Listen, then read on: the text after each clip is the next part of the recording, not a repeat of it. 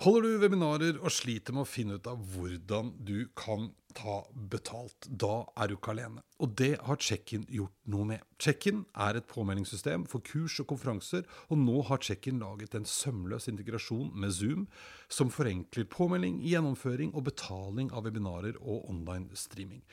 Sjekk ut checkin.no slash 30 minutter for å finne ut hvordan du kan tjene penger på dine webinarer med Check-in.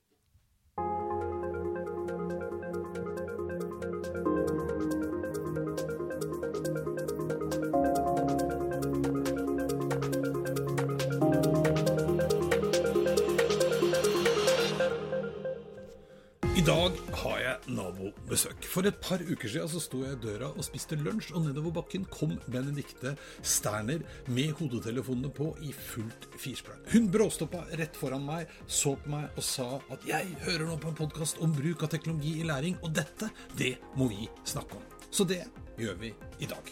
Benedicte hun jobber med utdanning og kompetanseutvikling i LO. Hun er ekstremt opptatt av hvorfor vi lærer, og hvordan vi lærer. Hun sier også at hun er en vanvittig teknologientusiast, ispedd en god dose sunn fornuft. Så dette, det er 30 minutter inn i fremtiden, og jeg er Eirik Normann Hansen. Sånn. Hei, Benedicte. Hei, hei. Velkommen. Ja, tusen takk. Det er jo nabobesøk. Ja, det er helt genialt. Benedicte nedi gata. Men det er jo også grunnen til at du er her. For det var veldig morsomt. Det er en uke eller to siden hvor jeg sto, spiste, spiste lunsj i døra. Og så kom du gående med headset, bråstopper av med headsetet, og bare fosset ut. For da gikk du og hørte på en podkast. Ja, ja, ja. Jeg var kjempeinspirert. Veldig gøy. Men det var en podkast, den het uh, Leading Learning. Ja, og da var det en som het Donald, Donald Clark, Clark. Ja, Donald Clark. Eh, han leder et selskap som heter Wildfire, som jobber med mye med læring og læringsteknologi. Mm. Eh, men det var mest egentlig hva han sa om vårt nåværende utdanningssystem da, mm. og utfordringer kobla på det, som gjorde at jeg liksom fikk Yes! Der er det jo en, eh, liksom en mann med ja, relativt skal vi si, solide renommé da, i sine miljøer. ja. Som har tenkt også litt sånn Da har jeg òg tenkt litt i den retningen, så kan det jo kanskje ikke være helt gærent, da. Nei. Eh, men ja. Men hva var største utfordringen? Det er mange ting, jeg skjønner det. Men hva var liksom den største utfordringen? Nei, altså det han Han raljerte jo egentlig litt grann over at mange er redd for å bruke læringsteknologi. På den ene siden så kan det jo gjøre veldig mye bra, og på den andre siden så kan man eh, pådra seg en del bekymringer. ikke sant? Mm.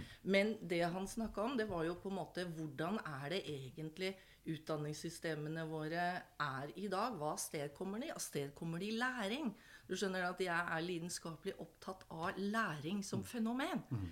Eh, og det han da sier, det er jo at ja, på det verste så kan du jo si at systemene våre egentlig er liksom Man snakker om pedigree uh, systems, mm. som produserer uh, flinke folk uh, eller folk med mye penger fra toneangivende universiteter, ikke sant? for ikke for først og fremst kanskje å lære, men kanskje for å på en måte segregere. Mm. lage klasser. lage på en måte stammer av folk som mm. kjenner hverandre igjen. Eh, men hvor mye har man lært egentlig, hvis du faktisk går til det skritt som noen også gjør? ikke sant? Å eh, være til stede, mm. eh, men kanskje ikke lære. Mm. Fordi at, og da var jo motsatsen litt til kritikken mot læringsteknologi om at Nei, ja, men den kan føre til veldig mye rart. Mm. Eh, og her kan vi jo bli redde for eh, at alle får lov til å ta del, og, og det ene med det andre. Men sannheten er jo at ikke alle får lov til å ta del i dag. Mm. Eh, og det å demokratisere disse systemene eh, Vi vet jo at eh, både de formelle og ikke-formelle eh, utdanningsaktørene blir utfordra av disse plattformene. LinkedIn Learning, f.eks. Mm. Eh, Coursera, masse Alle disse mukkene. Mm. Um, så hva vil til slutt en bachelor, en master, en doktor bety. bety ja, ja. ja, for det, litt av poenget her er vel at, at, sånn som det har vært og er i dag, så er det liksom noen utdanninger må man komme inn på helt spesielle universiteter og linjer for å få. Og det blir på en måte tilgjengelig for noen ytterst få. Mens med teknologi så kunne vi egentlig ha tilbudt den samme undervisningen nærmest gratis til alle. Ikke sant? Og så er det naturligvis noen utfordringer, fordi at noen, man skal tjene penger, og det er ikke flaut, det, og alt Nei, dette her. Men, men, eh, men det er det ene. Altså tilgjengeliggjøringen.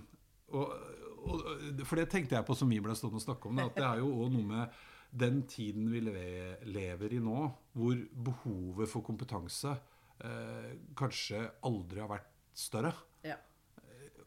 Og da kan vi ikke liksom pakke det inn og bare gjøre det tilgjengelig for noen få. Da må det kanskje slippes ut. Men klarer man å opprettholde kvaliteten eh, osv.? Hva, hva tenker du om det? Nei, det er jo akkurat disse spørsmålene som melder seg med en gang, ikke sant. Og eh, det er klart at vi- må jo ivareta kvalitet. For hvis det ikke er kvalitet, så lærer jo ikke folk. Man kan godt si at eh, Altså, det krever faktisk innsats å lære. Eh, det andre er informasjon. Noen ganger så kan det til og med bli kommunikasjon. Men å lære handler om å endre atferd på bakgrunn av noe du faktisk har på en måte tilegna deg. Eh, en atferdsendring, på en måte. Jeg, Men, men, men tror du sånne ting, altså sånne litt institusjoner da, som bachelor og master og, og doktorgrader, og er, står de litt for fall? Er det viktig lenger? på en måte? At man, altså, man snakker nå om liksom, behovet for livslang læring. Ja. At den tiden, Vi begynner å nærme oss slutten på den tiden hvor man tar en utdanning, og så er jeg ferdig med utdanningen, og så skal jeg jobbe. Dette går hånd i hånd, fortsetter hele tiden. Er de på vei bort? Nei, altså Jeg tenker jo at det å ha en solid grunnutdanning er veldig viktig. Altså Det er jo viktig for demokrati og fred og, og sosial stabilitet og gud vet ikke hva. Det er jo på en måte starten og slutten på alt. Krig, fred og religion. Ja, ja. Så, så, så jeg vil ikke rive ned gode systemer, men jeg tenker at vi kan prøve å være litt grann mer modige og åpne de opp, da. Eh, og ja, som et eksempel så kan jeg jo si f.eks. at på videregående skoles nivå i opplæringsloven så har man jo egentlig et forbud mot fjernundervisning. Ja. Eh, og det har jo måttet tilsidesettes under koronaen. Eh, fordi at nå sitter jo alle og har hjemmeundervisning, eller veldig mange har hjemmeundervisning. Eh, så det har på en måte brakt opp en ny situasjon da, når vi kommer ut av koronaen. Eh, skal vi fortsette? Eh, Så har vi jo veldig mange nå, elever og studenter i alle ulike utdanningstyper, eh, som sliter. Og hvorfor sliter de? Og det jeg nå er litt redd for, da, det er jo at vi på en måte blander sammen mulighetene som eh, denne teknologien kan gi, med koronatrøtte, og med det at vi på en måte ikke var forberedte, at lærerne ikke hadde egentlig kompetanse. Til og med på universitetsnivå så sier jo eh, professorene at liksom Nei, men jeg savner Jeg trenger kompetansetilførsel for å drive eh, fornuftig formidling med teknologi.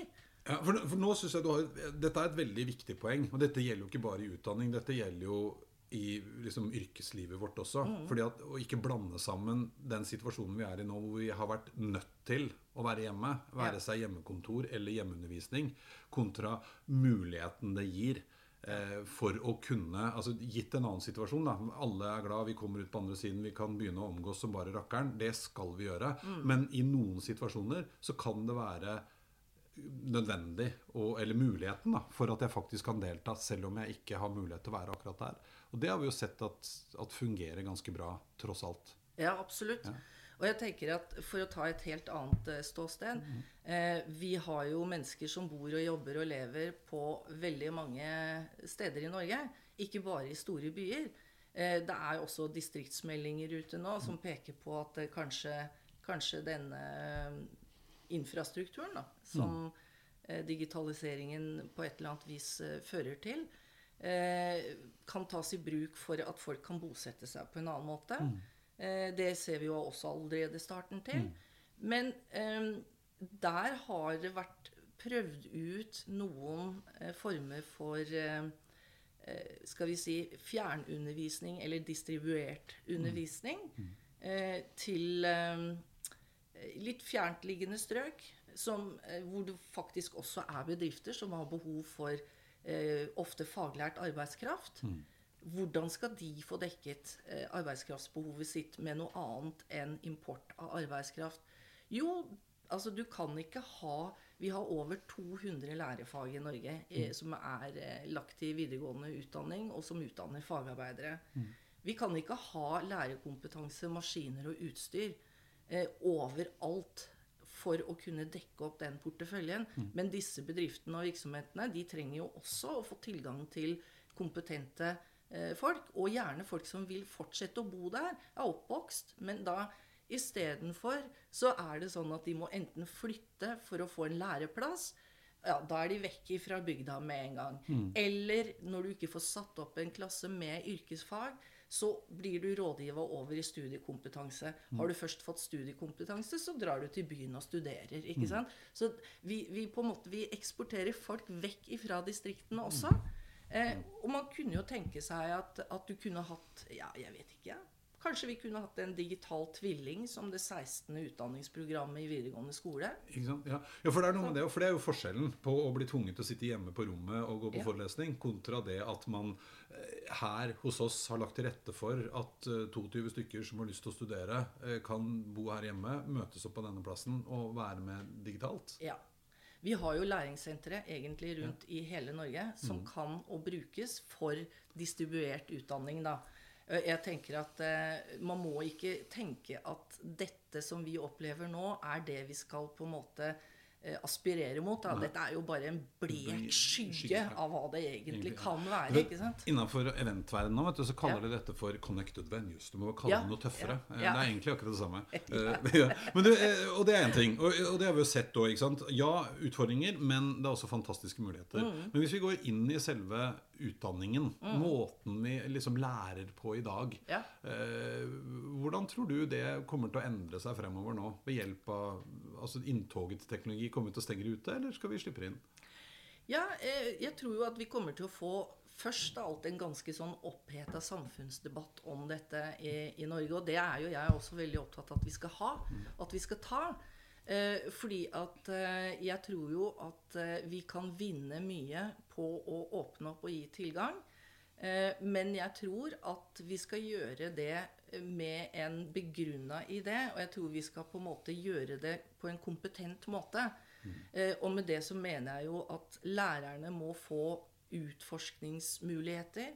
De må kunne ha tilgang til utstyr, og de må kunne på en måte eksperimentere mye mer i hverdagen sin enn det de kan. De kan ikke bare, vi kan ikke bare fortsette at de skal løpe fra altså 75 minutters fag der og til dit, til dit. De løper etter en timeplan, ikke sant?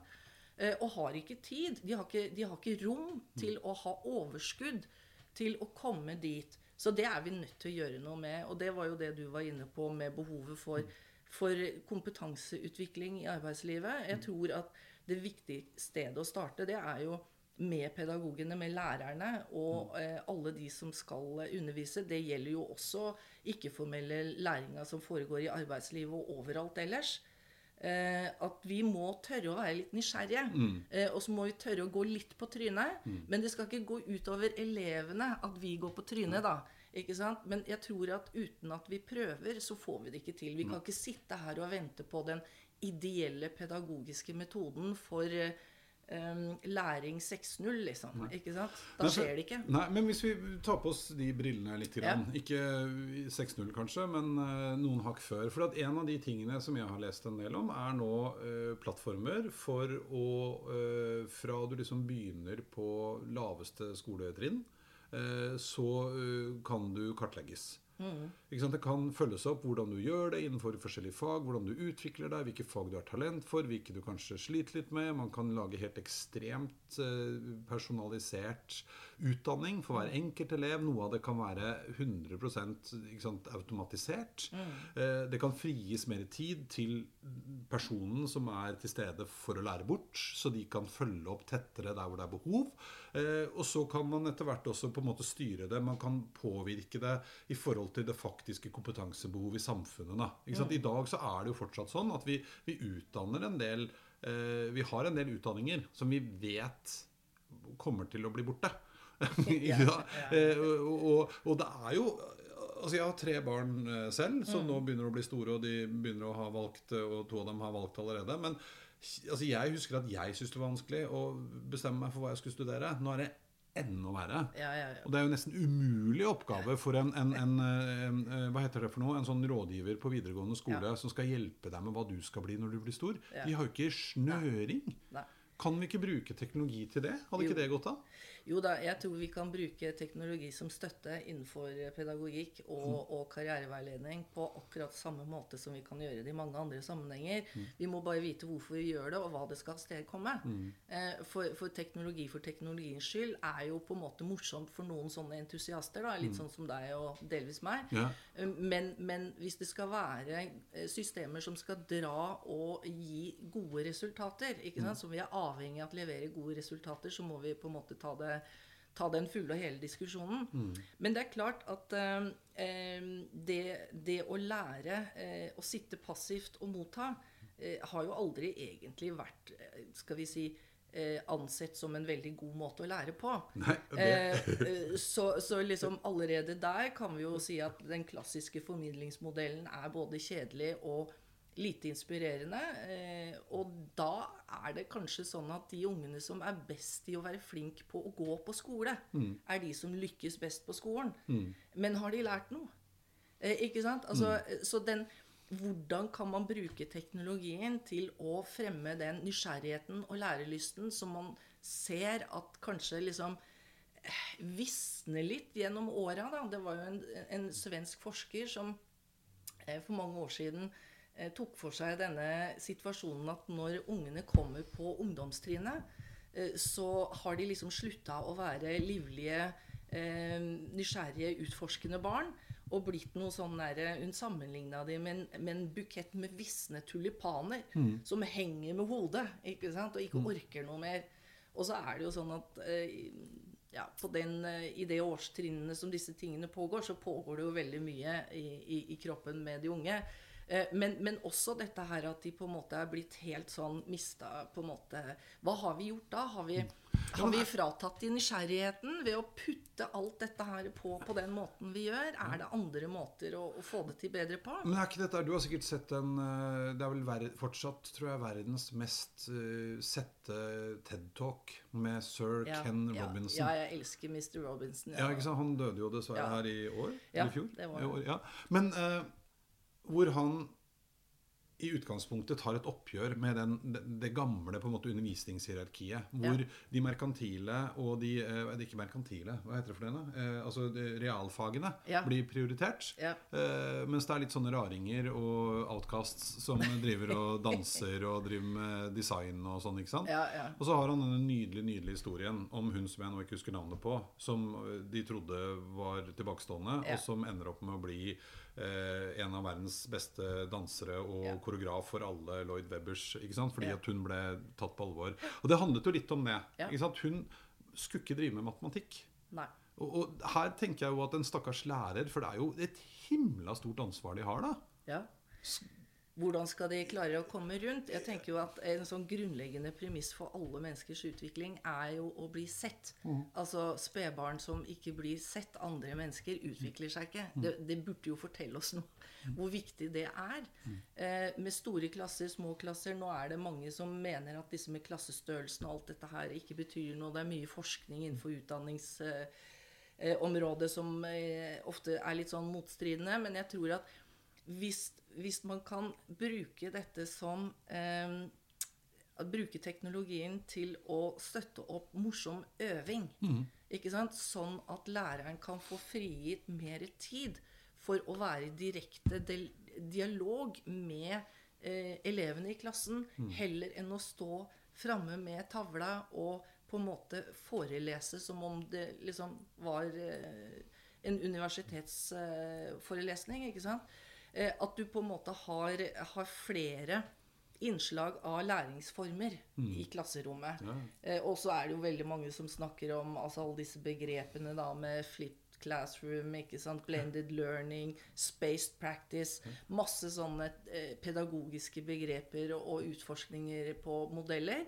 Eh, men det kommer ned til at vi må vekke lærelysten og motivasjonen og interessen. Og da tenker jeg at det er jo ganske fantastisk at hvis du slipper folk ut på nettet eh, og lager en venneklasse da, et annet sted på jorda eh, Jeg er sikker på at det er bedre muligheter for å bli kjent med hverandre og bygge relasjoner og få en faktisk reell innsikt i hvordan disse to klassene lever samtidig på to helt forskjellige steder av verden, enn via den gamle metoden som var brevvenn. Ja, ja, ja. Eh, Du hadde, jeg hadde jo klasse eh, med brevvenn mm. et. Ja, vi annet sted i verden. Ikke sant?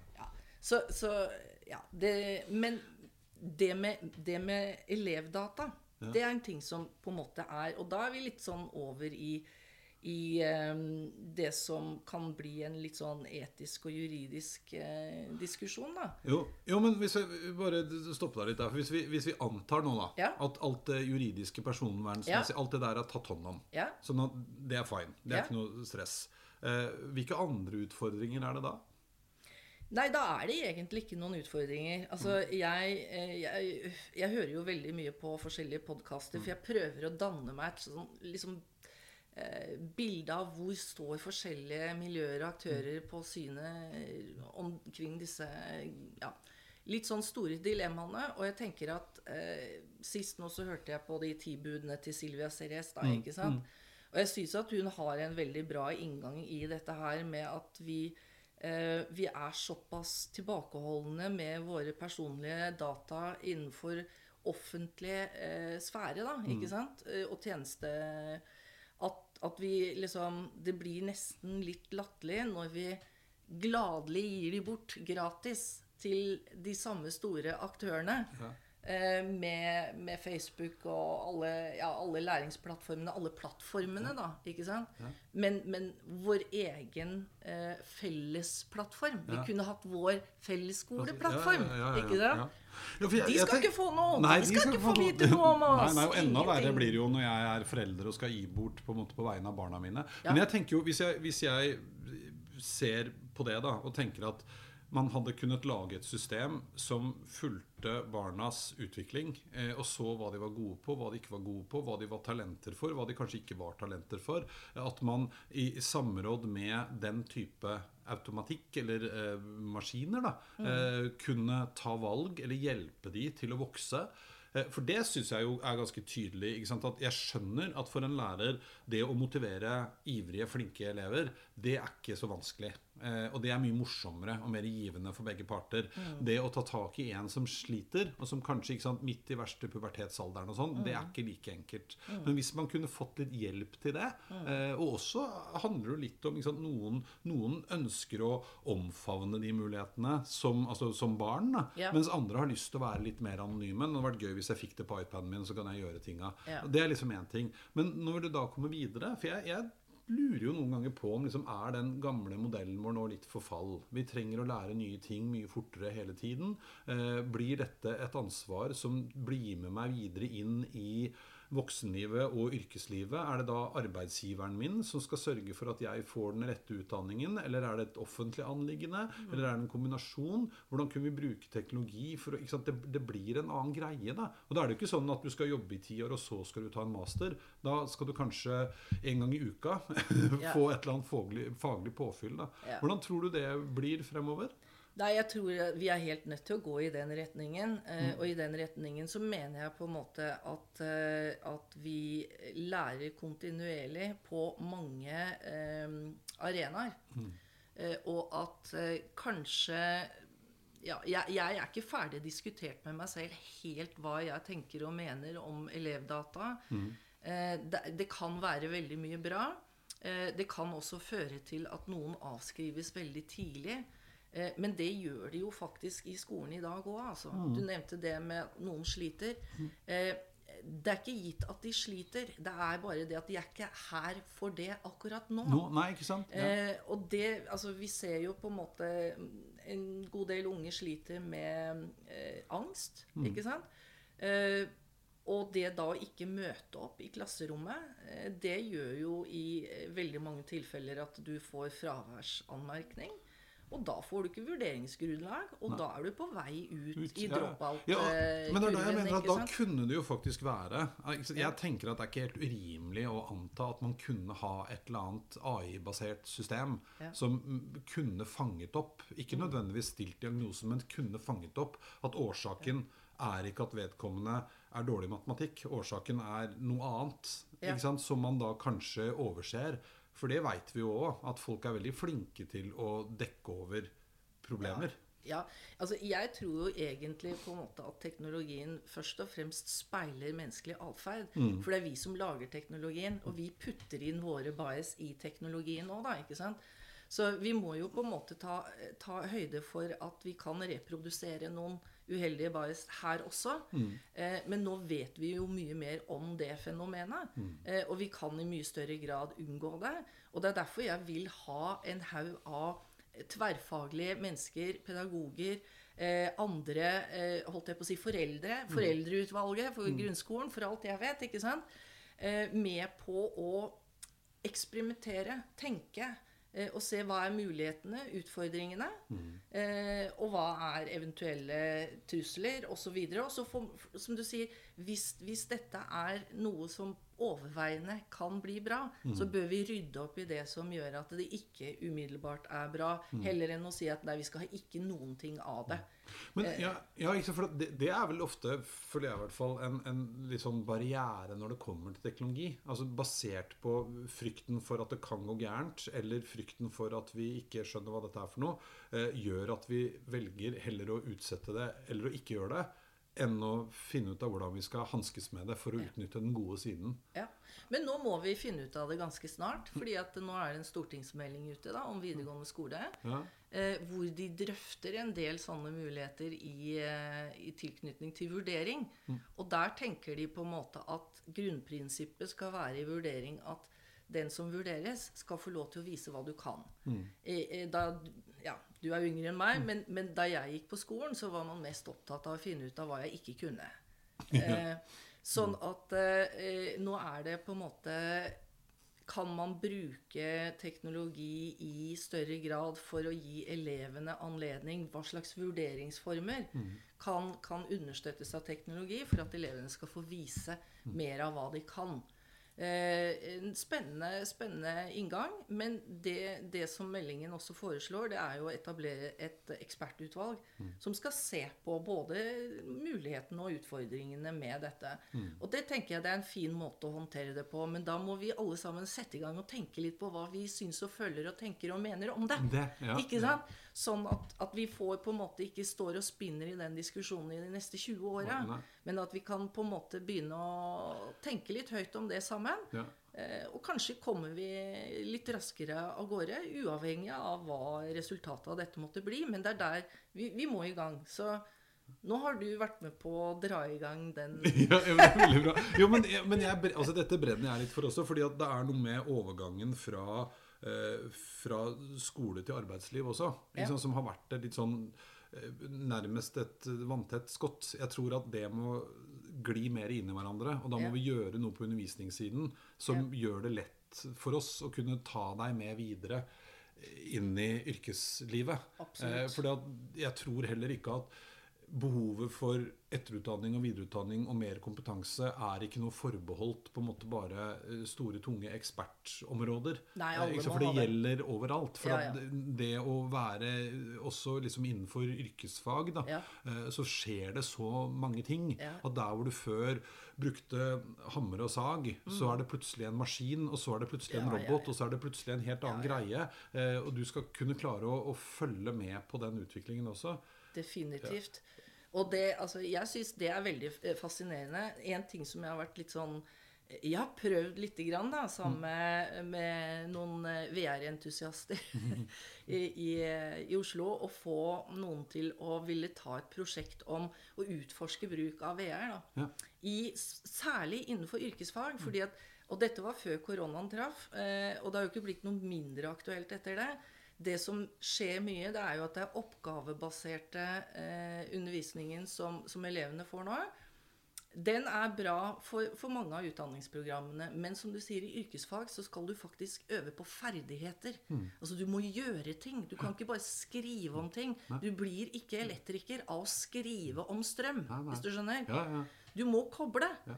Så liksom, hvordan kan du bruke teknologi til å simulere den typen ferdighetsoppøving? Ja.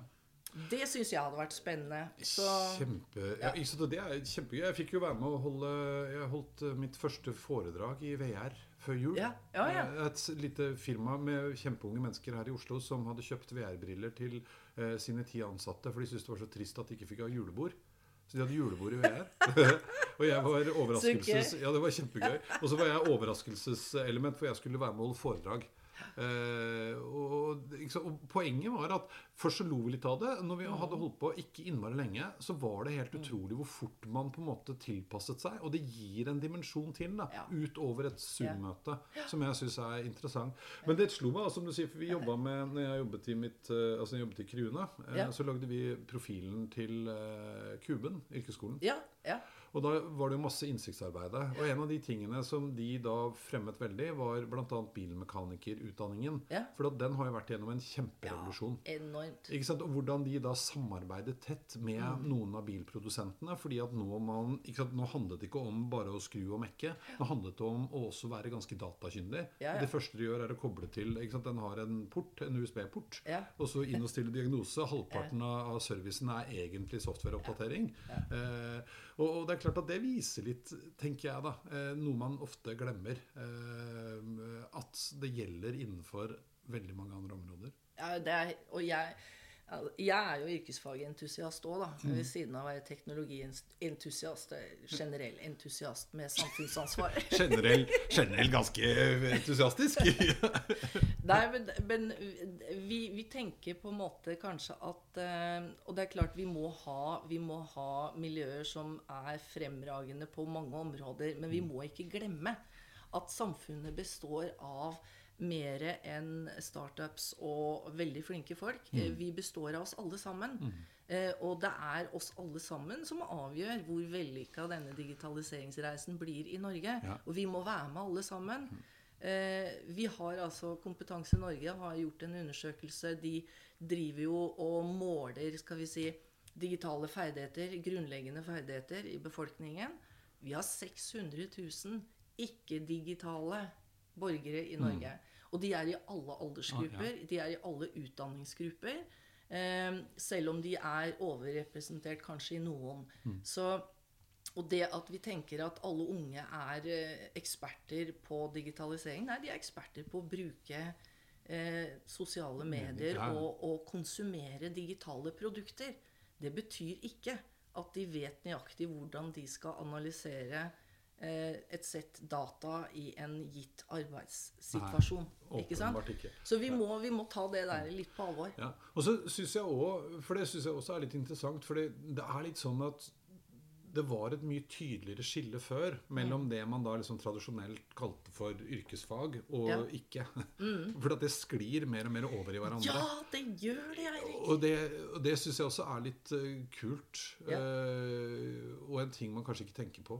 Men du vet hva, Ja. altså, tida flyr. Men her er gøy. Eh, Ja, det vi kan uh, være enige om, er at det skjer veldig mye. Kompetanse har kanskje aldri vært viktigere. Uh, det stopper ikke nå etter liksom bare utdanning, og så kan du hva du vil. Nå Mm. Må man antagelig utdanne seg, oppdatere seg. Ja. Da kan teknologi spille en viktig rolle. Ja. Det er ting vi skal passe på med personvern og alt sånn. Men på den annen side åpner opp for vanvittige muligheter. Også for å bli kvitt kanskje litt klasseskillet. Selv om Mm. jeg tenker at noen ting Det er kanskje greit at det fortsatt også fins noen sånne eliteplasser. Jo, jo, vi skal ha alt. Ja.